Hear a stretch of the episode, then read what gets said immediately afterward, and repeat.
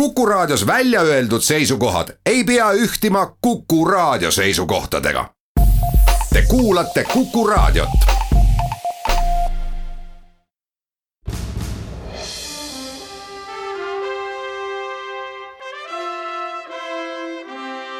vahetund Postimehega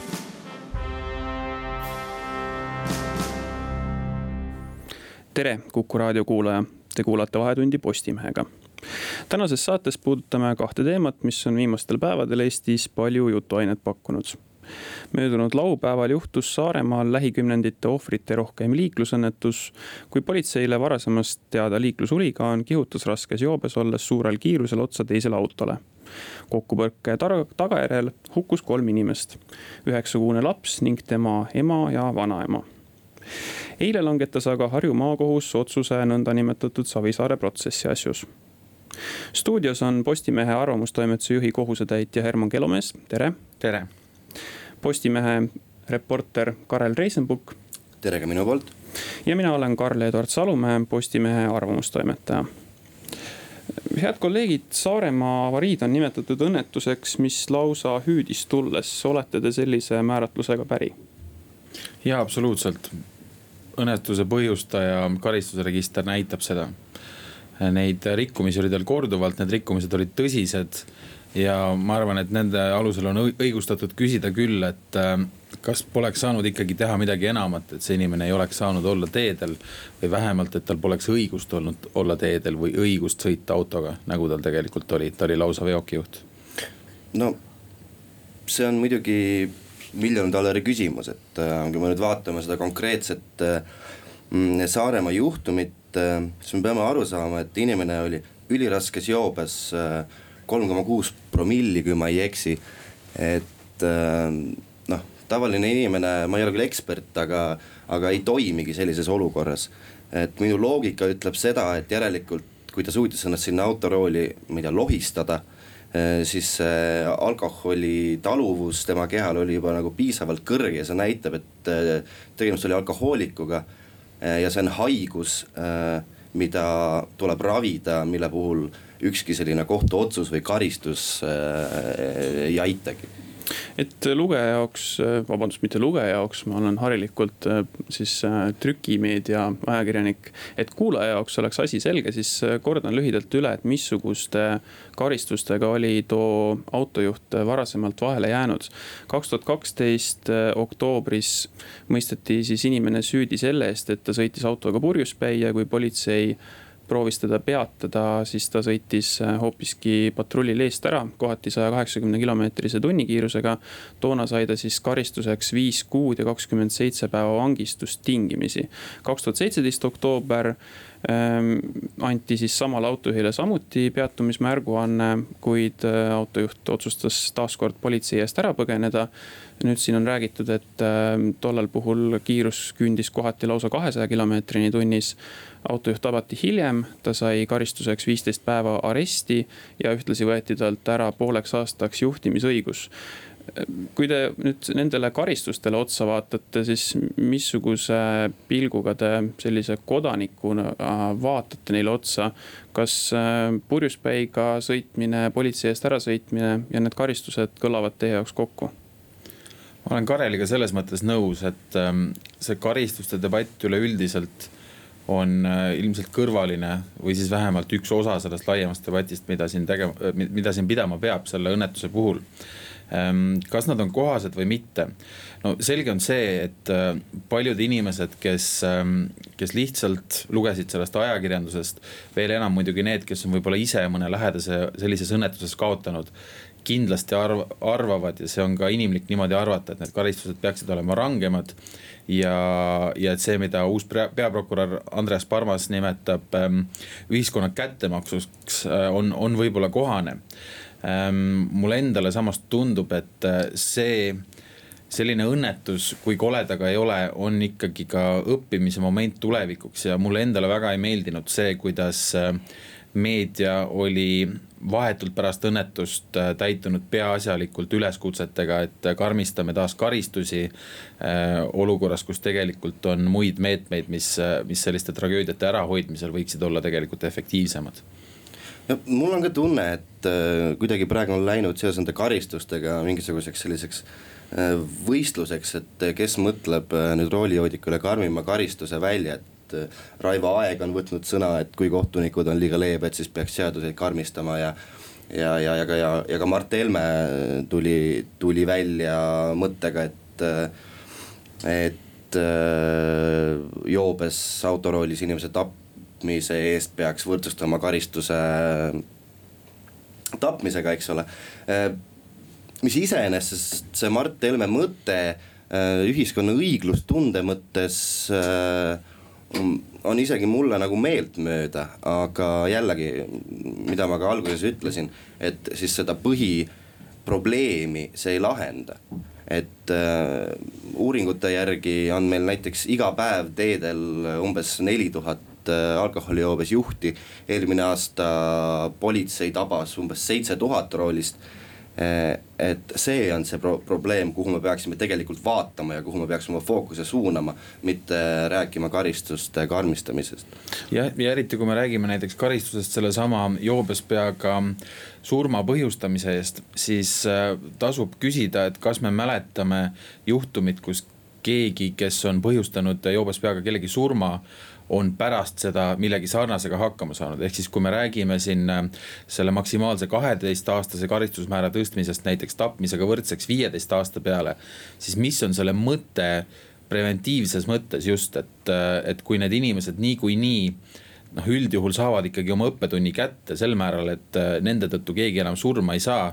siis konkreetselt selle surma põhjustamise karistusmäära tõstmine on, äh, on puhtalt tagajärgedega tegele-, tegelemine ja ongi puhtalt see ühiskondlik kättemaks, mis tõenäoliselt äh, ühtegi tulevast õnnetust ära ei hoia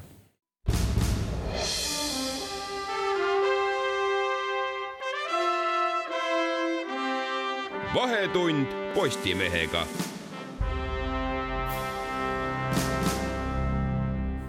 jätkub Vahetund Postimehega, saates on Postimehe ajakirjanikud Karel Reisenbuk, Herman Kelomees ja Karl-Eduard Salumäe. räägime eelmise nädala lõpus toimunud äh, raskest liiklusõnnetusest Saaremaal ja sellest, mida oleks sellest juhtumist õppida. me rääkisime enne pausile minekut sellest, et äh, meedias paljuski poliitikute suu läbi on läinud äh, lahti selline võidu karmimate karistuste küsimine ja ka sellest, et tegelikult see probleemile lähenemine on natukene üheplaaniline sellisel juhul. kuid mis siis võiks olla need niisugused reaalselt toimivad lahendused ja, ja, ja mida tuleks kõrva taha panna edaspidiseks nii sellele konkreetsele õnnetusele mõeldes kui ka natukene laiemat pilti vaadates, mis puudutab selliseid järjepidevaid raskeid liiklusrikkujaid. mis võiks olla need meetmed, mis aitaksid sellised juhid teedelt ära koristada? Mulle tundub, et me ei ole veel kasutanud ära kõiki võimalusi, äh, mis võiksid olla efektiivsed. aga meist kõrgemal või meist eemal, äh, nende peale mõeldakse juba aktiivsemalt. Euroopa Liit näiteks on ähm, otsustanud, et äh, nende sooviks on, et aastaks kaks tuhat viiskümmend ei oleks üleüldse ühtegi Euroopa Liidu teedel hukkunut liikluses. kas see on ebarealistlik või mitte Äh, aeg näitab, aga nad vähemalt on üsna konkreetsed meetmed ikkagi ette võtnud. Äh, millest peamine on see, et äh, alates aastast kaks tuhat kakskümmend kaks peavad kõik Euroopa Liidus toodetud autod kandma alkolukku, et kes ei tea, mis on alkolukk, see on siis selline sisuliselt alkomeeter, mis on auto küljes. millesse promilli sisse puhumisel sul ei ole enam võimalik edasi sõita ja see ei ole mingisugune tulevikuvidin, vaid on juba kasutusel rekates ja, ja ja, ja veel erinevates kohtades ja noh, teine asi on ka see, et äh, tegelikult meil Eestis nende karistuste arvesse võtmine retsidiivsuse puhul ja, ja, ja noh, lubade või auto või mõlema äravõtmine äh, või, või muudel viisidel, isegi mitte karistamine, vaid lihtsalt tegelemine sellega, et roolijood ikkagi saaks minna rooli. Ähm, on mõnevõrra häiritud sellest, et äh, esiteks mingisuguseid liiklusrikkumisi ei panda üldse enam karistusregistrisse. ja nagu Indrek Sirk tänases Postimehes enda äh, arvamusloos kirjutab, riigil pole tegelikult süsteemi, kuidas korduvrikkuja üles leida äh, see tähendabki siis seda, et äh, ma kujutan ette, et kui see süsteem oleks natukene parem, siis konkreetselt see juhtum selle inimese puhul oleksime me võinud äkki olla ikkagi seisus, kus tal, tal poleks vähemalt seda õigust autot autoga sõita olnud, isegi kui ta, ta oleks mingisuguse muu viisi selleks leidnud. Karel, sina ennist mainisid seda, et äh, konkreetsel juhul autojuht oli kuskil kolme koma kuue, kolme koma seitsme promillises joobes ja. et äh, inimene, kes ei ole ennast nii-öelda alkoholiga ära harjutanud, tavaliselt niisuguse joobe juures enam ei, ei suuda püstigi püsida. Äh, mis viitab siis sellele, et, et inimese puhul oli tegu, kui mitte alkoholismiga, siis vähemalt sihukeste tõsiste probleemidega, mis puudutas alkoholi tarvitamist. kas üks nendest reaalsetest meetmetest, mis võiks aidata ja mille osas praegu on vajakajäämisi, on siis just nimelt äh, alkoholi küüsis olevate inimeste aitamine? no kahtlemata sellega peab ju tegelema, et ma muidugi ka ei arva, et äh, nüüd politsei peaks äh, iga joobes peaga rooli taga vahele jäänud inimese kätt hoidma, teda kodus kontrollimas käima mm,. aga mul on tunne, et me võib-olla peaksime seda nagu, nagu kogu aeg kilbil hoidma, sest või võib-olla jah, ma ei tea, politsei saab mu peale pahaseks, aga vähemalt mul on mulje, et me eh, hakkame intensiivsemalt nendest lahendustest ja probleemidest rääkima jälle alles siis, kui toimub mingisugune suur ja traagiline õnnetus ja vahepeal on tükk aega vaikust et äh, politseil on küll äh, üks uus äh, programm vist, mis isegi ei ole nii uus vist, mis kaks tuhat kuusteist äkki nad sellega tegelema hakkasid, on see koju programm. aga, aga me ei kuule sellest enne, kui on mingisugused, mingisugused laibad taga nüüd selles äh, lahti läinud diskussioonis on äh, praeguseks käidud välja ka see nõndanimetatud kogukonnakaart. ehk siis on räägitud sellest, et igaühel meist on äh, mingil hetkel võimalik olla kangelane, kui me näeme joobes inimest, kahtlustame, et ta võib autorooli minna ja siis teeme, mida vaja. veename ta ümber, hangime talle takso, kutsume politsei, mis iganes. kui, kui sisuline see tahk kogu selle arutelu juures võib olla, ma mõtlen sellega seda, et äh, kui paljud õnnetused võiksid jääda ära, just nimelt sellised kui eestlaste valmisolek sekkuda oleks veelgi kõrgem kui praegu. et ma oletan, et, et eestlased ei ole maailmas kaugeltki mitte kõige hoolimatumad inimesed ja et, et võrreldes näiteks ka viimase noh, ütleme kahekümne aasta taguse ajaga on inimeste valmisolek ja, ja mingisugune sotsiaalne närv äh, kindlasti nagu siis tundlikumaks muutunud. aga mida ütleb teie niisugune tunnetus ja elukogemus, et, et kui paljud äh, õnnetused ikkagi toimuvad sellepärast, et keegi on mingisugusel hetkel otsustanud, et võib-olla see pole minu asi mulle seda, kui sa nüüd küsid seda, ma hakkasin kohe mõtlema, et ähm, meil on seda teemat arutada jäänud veel mõned minutid ja, ja et kas, kas äkki oleks see prop proportsioonid arutamiseks selle üle, et äh, mida saab teha riik ja Euroopa Liit ja mida saab teha kogukond, võib-olla pidanud olema teistsugused, sest loomulikult saab väga palju teha. ma usun, et ka need selle liiklusõnnetuse, mis kolm inimelu nõudis, äh, põhjustaja sõbrad on ju ka maininud et äh, temaga on sellest teemast räägitud, aga, aga kõik need asjad, mida sa ise just mainisid kaasa arvatud politseisse helistamine, mis on loomulikult selline natukene äärmuslik meetod, aga mis vastab väga äärmuslikule teole. Äh, see on lõpuks ka selle, selle sinu sõbra huvides, kes sinna rooli läheb et ta kasvõi ise üksi ennast surnuks ei sõidaks. see, kui sa helistad politseisse või peidad tema võtmed ära või võtad midagi ette, et mitmed inimesed, äh, kaasa arvatud seesama Indrek Sirk, keda ma juba maininud olen, on öelnud, et kangelane on igaüks, kes hoiab ära joobes äh, juhi autorooli sattumise, et ma loodan, et selline paradigma muutus meie mõtlemises on juba suuresti aset leidnud ja, ja leiab veel täiendavalt, et, et see et see ei ole mingisugune kitumine, vaid see on just nimelt sõbrale suure teene tegemine Äh, lisaks sellele, et see on ühiskondlikult kasulik tegu, kui sa hoiad ära joobes juhtimise. kas selle värske väga traagilise, tõesti väga traagilise juhtumi valguses võiks vähemalt mõneks ajaks olla inimeste tundlikkus äh, selle kõige juures suurem. ehk siis, et inimesed helistavad äh, vähem kõheldes politseisse. no ma tahaks väga loota, et see nii on. sest noh, üldjuhul ju ikkagi üksinda kuskil salaja nurgas ju alkoholi ei jooda, et. et nägijaid on ju igal pool, et äh, ma tahaksin väga loota, et see on nii. ja lõpp, lõpptulemusena, kui ma mõtlen kasvõi enda kogemuste peale, siis äh, ka mul on olnud selline situatsioon, kus ma ei olnud ainus inimene, ma olin üks seltskonnas olevatest inimestest, aga me nägime täpselt samamoodi tuigerdavat inimest, võtmed peos, siis jälle maas, siis ta korjas need üles, läks auto poole ja kuidas me takistasime teda selles. et need olukorrad ei ole tegelikult nii väga hüpoteetilised ja sellised, et noh, teiste inimestega juhtub. et kui äh, niimoodi piisavalt palju ringi käia ja natuke lahtiste silmadega vaadata, siis olgugi, et roolijoodikuid õnneks jääb meil vist äh, küll niimoodi visalt, aga vähemaks, siis äh, niisuguseid võimalusi, kus teha õige samm kogukonna huvides ei olegi ju nii vähe või kuidas? Jah, me tabame teadupärast null koma viis protsenti joobesjuhtidest, see tähendab, meie teedel on iga päev neli tuhat joobesjuhti. mis tähendab, et seda tööd ükskõik kas riigil, Euroopa Liidul või eriti kogukonnal, indiviidil meil kõigil ja raadiokuulajatel on üksjagu veel järel ja, ja loodetavasti kõik mõtlevad selle peale järgmisel korral, kui nad sellisesse situatsiooni satuvad. Karel, on sul midagi lisada? kainet meelt on lisada selle lõpetuseks ma väga loodan sellesse jah, äh, mis puudutab seda niisugust reaktsiooni sellele Saaremaa õnnetusele, siis see on muidugi niisugune subjektiivne ja, ja igaüks võib seda asja erinevalt tajuda. aga tundub, et, et just nimelt selle konkreetse juhtumi raskus puudutas paljude inimeste närvi võib-olla niimoodi tavapärasest veelgi tugevamalt nii et äh, kui tahta proovida edaspidiseks mingisugust äh, lootusekiirt ja, ja positiivset nooti leida, siis võib-olla see konkreetne juhtum võis olla selliseks katalüsaatoriks, mis natukene ühiskonnas edaspidiseks tõepoolest protsesse muudab. aga siit läheme praegu pausile.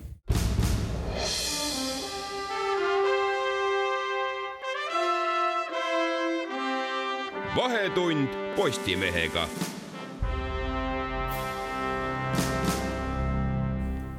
jätkub Vahetund Postimehega, stuudios on Postimehe ajakirjanikud Karel Reisenbuk, Herman Kelomees ja Karl-Edvard Salumäe äsja lõppenud eelmises pooltunnis rääkisime Saaremaa raskest liiklusõnnetusest ja selle õppetundidest. nüüd aga vahetame teemat ja räägime eilse päeva põhiuudisest. Harju maakohus tegi nõndanimetatud Savisaare protsessi asjus omad otsused, kelle jaoks süüdimõistva, kelle jaoks õigeksmõistva. ent et äh, Karel alustada tuleb vist tegelikult hoopiski sellest, et äh, maakohtu eilne otsus ei ole üldse mitte lõpp. no kahtlemata ei ole ja, ja seda oli ju tegelikult teada enne selle otsuse kuulutamist, et ei ole. et äh, ükskõik kuidas see otsus oleks eile kohtust tulnud, siis oleks ta ringkonnakohtusse niikuinii edasi läinud. noh, praegu on olukord nii, et kolm inimest pääsesid karistuseta süüdi mõisteti ainult äh, riigikogulane Kalev Kallo.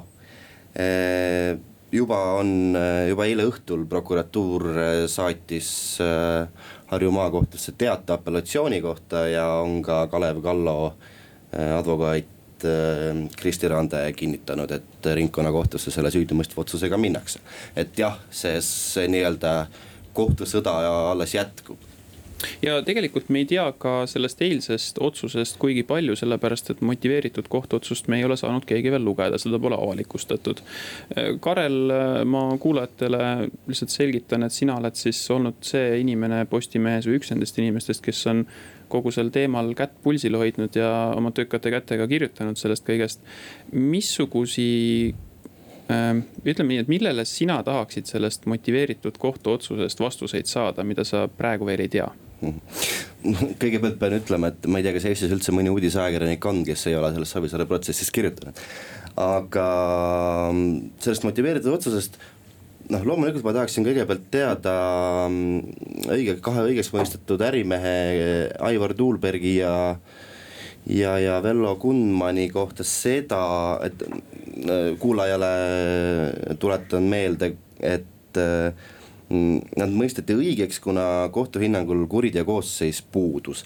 Äh, mina sooviksin väga teada, äh, miks see kuriteo koosseis siis puudus, kas prokuratuuril ei olnud piisavalt tõendeid, äh, olid need tõendid hambutud, nagu on kaitsjad öelnud või mis siis selle taga siis ikkagi on, et või on tehtud mingisuguseid menetluslikke vigu, et see selgub jah, võib-olla alles kes teab, märtsi lõpus, kui me selle motiveeritud otsuse kätte saame kohtult. et, et ma ei teeks siin mingisuguseid ennatlikke järeldusi veel nendest eile kõlanud otsustest.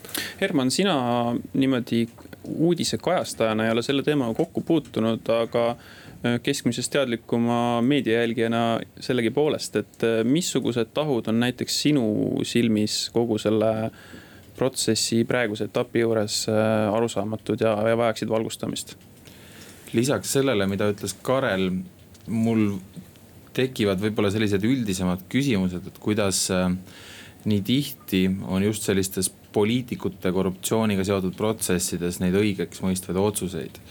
ja ma küsin seda selles valguses, et kui meil on üheksakümmend üheksa protsenti kohtuotsustest üldiselt Eestis, mis on süüdimõistvad, siis päris palju on meil neid näiteid olnud, kus äh, kus tuleb äh, sellistes protsessides õigeks mõistev otsus, et mõned näited, et see juhtus aprillirahutuste protsessis. see juhtus ühes kohtuastmes maadevahetuse protsessis, näiteks Artjom Suvorov, Tartu endine abilinnapea mõisteti õigeks. ja see on loomulikult õigusriigile omane, et, et õigeksmõistmisi ka toimub. kui ma samas mõtlen selle peale, et äh, prokuratuur või prokurör läheb ju kohtusse situatsioonis, kus ta peaks olema kindel et inimene on süüdi ja mõõdukalt kindel või täiesti kindel selles, et ta saab sealt süüdimõistva otsuse. et selles mõttes on natukene ka minul äh, küsimusi, mida, millele ma sellest motiveeritud kohtuotsusest tahan vastuseid saada äh,. mis võib-olla aitavad ka laiemalt äh, mõista seda, et äh, millised on korruptsioonikuriteod ja millised on meie väljakutsed nende, nende, nende menetlemisel huvitav, kas teeme nii, et me läheme sellele libedale teele korraks ja proovime spekuleerida, et äh, kui kaua kogu see kohtu äh, vaidlus veel võib kesta, et praeguseks see on juba ligi kuus aastat väldanud või vähemasti kogu see kaasus on umbes nii vana. Äh, ma ilmselt ei eksi palju vähemasti, kui ma ütlen, et üks paar aastat on küll veel kindlustatud või kuidas mina, mina teeksin näiteks sellise ennustuse tänavatu tööküllaga, et äh, me saame jälgida kahtesid olümpiamänge, enne kui me näeme riigikohtu lõplikku otsust selles küsimuses. Jah, ma ei julge sellise tänavatu tööga ennustada, ma ei lähe sellele libedale teele, sest jah, tõesti, et äh, siin võib veel kõike juhtuda, aga äh, Herman juba mainis, äh, et me kindlasti peaksime tuletama meelde äh, ka mineviku otsuseid, Elm mainis ära selle maadevahetuse protsessi, mis samuti esimeses kohtuastmes ähm, jah äh,, süüdistatavad mõisteti õigeks äh, ja järgmistes kohtuaastates siis äh, tuli süüdimõistev otsus. et äh, siin võib kõike veel juhtuda. Ja tegelikult on ju ka see, et võib-olla on isegi hea, et seda nüüd sellise värskema pilguga vaatama hakatakse sellepärast et tahes-tahtmata on algusest peale selle protsessi ümber olnud äh, väga palju müra, meedia tähelepanu äh,. tahes-tahtmata on äh, olnud surve nii kohtule äh, kui prokuratuurile, ma küll ei taha öelda, et ma kuidagi äh, Harju maakohtu otsuses kahtlen, eks ole aga vahel on hea, kui asjad värske pilguga üle vaadatakse ja võib-olla me saamegi sealt ringkonnakohtu otsusest teada, et jah, Harju maakohtul oli õigus, prokuratuuril ei olnud neid tõendeid ja neid kuritegusid pole olnud ja, ja võib-olla siis me saame, saame ka vastuse sellistele veidratele olukordale, kordadele, et kui näiteks äh, Vilju Reiljan, kes äh, mõise-, mõisteti süüdi Vello Kundmanile äh, siis altkäemaksu vahendamise eest. eilse otsusega saime teada, et äh, Vello Kundman pole altkäemaksu andnud et kõiki neid vastuseid ma tahaksin seal järgmistes kohtuastmetes kuulda. ehk siis, kui ma sõnastan äh, ümber selle moraali või sihukese järelduse, on see, et. et Harju maakohtu otsus ei ole kaugeltki mitte lõpp isegi mitte lõpu algus, mitte ainult selles mõttes, et mõlemad pooled on kavatsenud äh, äh, siis asja otsus edasi kaevata ja on seda juba teinud või vaikselt tegemas. vaid äh, asi ei ole ka kaugeltki mitte lõplik selles vaatenurgas, et seda maakohtu otsust, kes on äh, õigeks mõistetud, kes on süüdi mõistetud. et varasem praktika näitab, et, et äh, järgmised kohtuastmed võivad teha kardinaalselt vastupidiseid otsuseid jah, et kui ma, kui ma tohin jälle olümpiateemasse minna, et kui me oleme näiteks äh, murdmaasuusatamises näinud vahefinišeid, siis need vahefinišeid annavad meile ikkagi natukene aimu, et kuhu poole see võistlus liigub. et kes võidab ja kes kaotab siis äh, noh, nagu Karel rääkis maadevahetuse protsessist, et siin on äh, palju keerulisem seda aimata ja see kõik võib olla hoopis teistpidi ja see on ka peamine põhjus, miks minu jaoks on üsna frustreeriv see, et need protsessid nii kaua kestavad. ja et ka nüüd, kus seda kõike on juba nii palju olnud, ei tea me endiselt veel mitte midagi sellest, kuidas see laheneb. Ja ilmselt tuleks siin äh, ära märkida ka see, et, et nende mitme kohtuastme läbikäimise puhul võib tekkida ka niisuguseid põrgatamise momente, kus kõrgema astme kohus saadab äh, asja äh, madalamasse kohtuastmesse uuesti arutamiseks tagasi ja nõnda edasi. Karel, kas sinul kogemuse põhjalt äh, on mingisugustki aimdust, et kui tõenäoliseks näiteks selle kohtukaasuse põhjal mõne, mingi niisuguse stsenaariumi esile kerkimine võib olla? jällegi, see on ennustamine, ma noh, ma, aus vastus on see, et ma ei tea. See võib juhtuda, aga ma arvan, et ootame ära kõigepealt äh, need äh, ringkonnakohtu istungid ja, ja, ja võib-olla siis, siis on midagi selgemalt paista.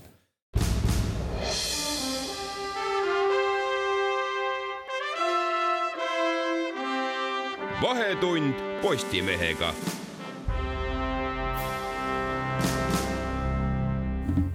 jätkub Vahetund Postimehega, stuudios on jätkuvalt Postimehe ajakirjanikud Karel Reisenbuk, Herman Kelomees ja Karl-Edvard Salumäe tooksin sisse selle tahu, et Edgar Savisaar ise, kogu selle protsessi nimitegelane, on kohtupidamise alt kõrvale jäänud, vabastatud oma tervisliku seisundi tõttu. kas see on muutnud kogu selle kohtupidamise raskemaks või lihtsamaks? no ma kõigepealt parandan ühe ebatäpsuse ära, et ma ennist ütlesin, et äh, Vilju Reiljan mõisteti süüdi, et äh, tegelikult pääses ta kohtupidamisest oportuniteediga äh,. mille muidugi tingimus on see, et äh, ta on selle teo omaks võtnud. aga kui see puudus on klaaritud, siis sa küsisid, et kas see on teinud raskemaks või kergemaks. siin paljud arvamused lähevad lahku äh, minu arust on võib-olla läinud kergemaks selles mõttes, et äh, Savisaare eemaldumisega kadus ära selline Savisaare isiku küsimustega tegelemine ja võib-olla sai vaadata neid süüdistusi äh, konkreetsemalt. ja, ja, ja, ja muidugi kindlasti äh, ei veni enam, ei veninud see protsess enam seetõttu nii palju. sellepärast, et me mäletame ju küll neid äh, pealkirju, mismoodi Savisaar jälle kuskilt haiglasse viidi ja ta ei saanud jälle osaleda. et, et mul on kuidagi tunne, et natuke kergem oli neid asju kohtus arutada, kui Savisaart enam ei olnud no üks äh, tahk on just nimelt see niisugune sisuline pool, ehk siis see, millest äh, sina, Karel, just rääkisid, et äh, sai keskenduda nendele süüdistustele konkreetsemalt, enam ei olnud seda niisugust noh ega siin ju saladust ei ole, et Edgar Savisaar on ka väga vägev showmees. ja, ja seda jätkas ta ka kohtus tegemist, et, et, et selles mõttes muutus protsess lihtsamaks. teine tahk kogu asja juures on ilmselt selline ühiskondlik ootus ja ühiskonna õiglustunne. Herman, kuidas sa näed, kas ühiskonna jaoks muutus kogu see kohtuvaidlus Edgar Savisaare kõrvalejäämisega keerukamaks või, või kuidas? Ma arvan, et on väga võimalik, et ta muutus äh, avalikkuse jaoks vähem huvitavaks äh, võrreldes selle eelmise olukorraga. sest et me olime situatsioonis, kus me olime veerand sajandit või vähemalt suur osa ühiskonnast oli veerand sajandit teda vaenanud, Savisaart. ja, ja näinud seda, teda sellise Eesti poliitika teemonina, keda erinevates korruptiivsetes või vähemalt väga ebaeetilistes tegudes kahtlustati juba toona ja avalikkuse jaoks ähm, oli paljude jaoks see kindlasti pettumus. sest et sooviti näha äh, seda, kuidas see, see antikangelane Eesti poliitikas lõpuks langeb äh, just selle riigi äh, käe läbi, mida ta siis pidevalt igadel valimistel üle võtta soovis äh, ma arvan, et selles mõttes on paljudel kahju, aga teisest küljest, eks see protsess mingil viisil niikuinii viis selle tulemuseni, vaatamata sellele, et ta äh, süüdi ei mõistetud või üldse, tema osas otsust ei langetatud mida arvata sellest, et kogu see protsess on juba hulk aastaid äh, kestnud ja eeldatavasti kestab päris äh, portsu aastaid veel. kui just väga kuidagi niimoodi ootamatult kiiresti ei lähe. et, et kas need etteheited prokuratuuri ja, ja kohtu suunal, et olgu, meil on tegu väga mahuka, keeruka, kaaluka raske kohtuvaidlusega aga siiski, et, et viis-kuus aastat, see on väga pikk aeg, et kas see kriitika on äh, põhjendatud? no mingis mõttes ju on, et, äh, et kui paljud ekskohtunikud on öelnud, et seda võib-olla oleks saanud äh, kiiremini menetleda, aga noh no,, siin on tabanud seda protsessi kogu aeg missugused tagasilöögid, et, et noh üks oli see Savisaare raske nii-öelda haigestumine, mille tõttu ta sealt eemaldati. siis meil vahetus, eks ole, juhtiv äh, prokurör, teine prokurör pidi need asjad kõik üle võtma äh,. et noh, siin on, siin on olnud selliseid äh, ebameeldivaid juhtumeid, mis on selleni viinud, et. Herman, äh, ühiskonna vaatenurgast jällegi Äh, mida head või halba teeb see, kui üks kohtuotsuse langetamine, kogu see vaidlus kestab nii kaua? Eriti siis, kui ta on selline poliitiliselt tundlik protsess, ma arvan, et me saame natuke liiga kaua marineerida selles ikkagi. ja ma ei tea, kas see oleks õige, et äh, ja võib-olla, võib-olla see oleks isegi kindlasti vale. et avalikkuse tähe, suurema tähelepanu all olevad protsessid saavad suuremat tähelepanu või, või saavad kuidagi kiirendatud korras menetletud aga, aga see, kui palju see võtab ära meie avalikust arutelust hapnikku või kui palju ta vähemalt siis, kui Savisaar selles protsessis ise osales.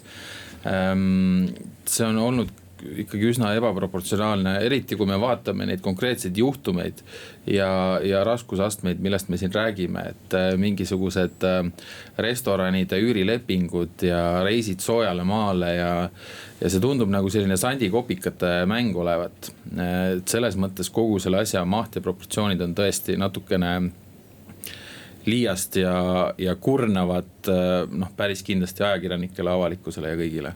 ja ilmselt üks äh, samuti oluline tahk on asja juures ka see, et see kohtuprotsess ei puuduta mitte ainult Savisaare isikut äh, kitsalt vaid ka Keskerakonda, mida ta toona juhtis, kui need arvatavad süüteod toime pandi. Ja, ja Keskerakond on ju ka kogu selles äh, protsessis äh, juba ka nagu vastu näppe saanud.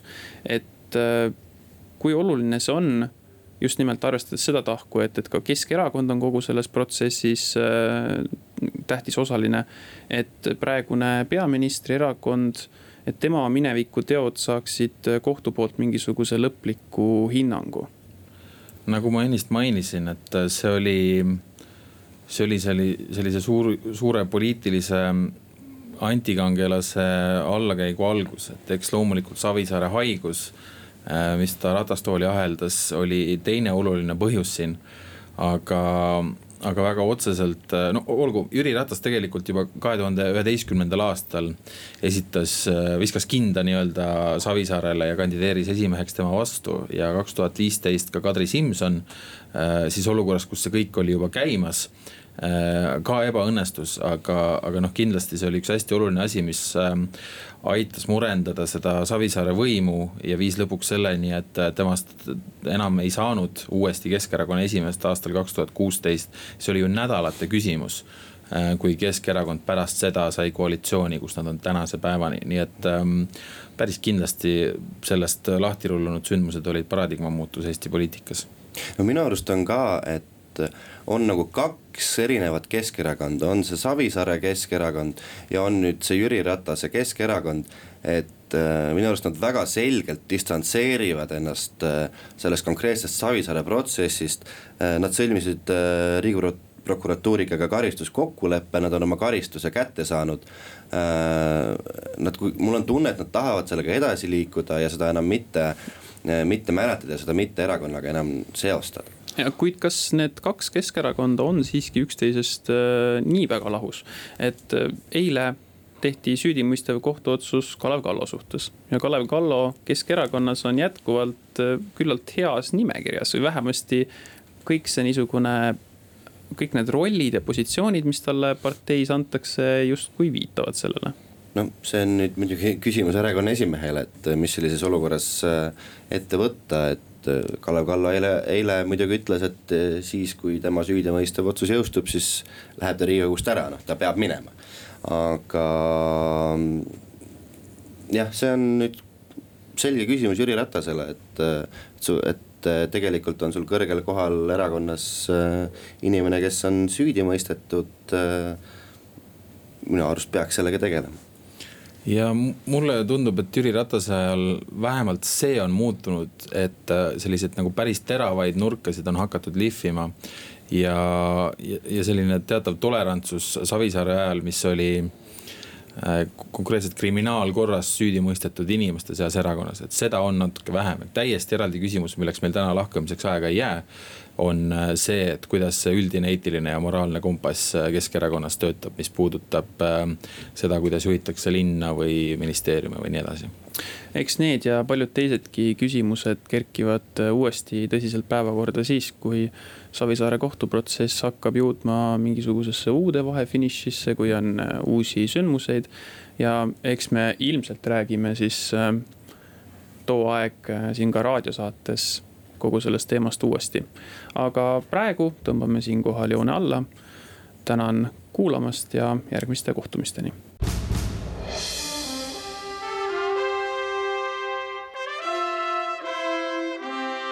vahetund Postimehega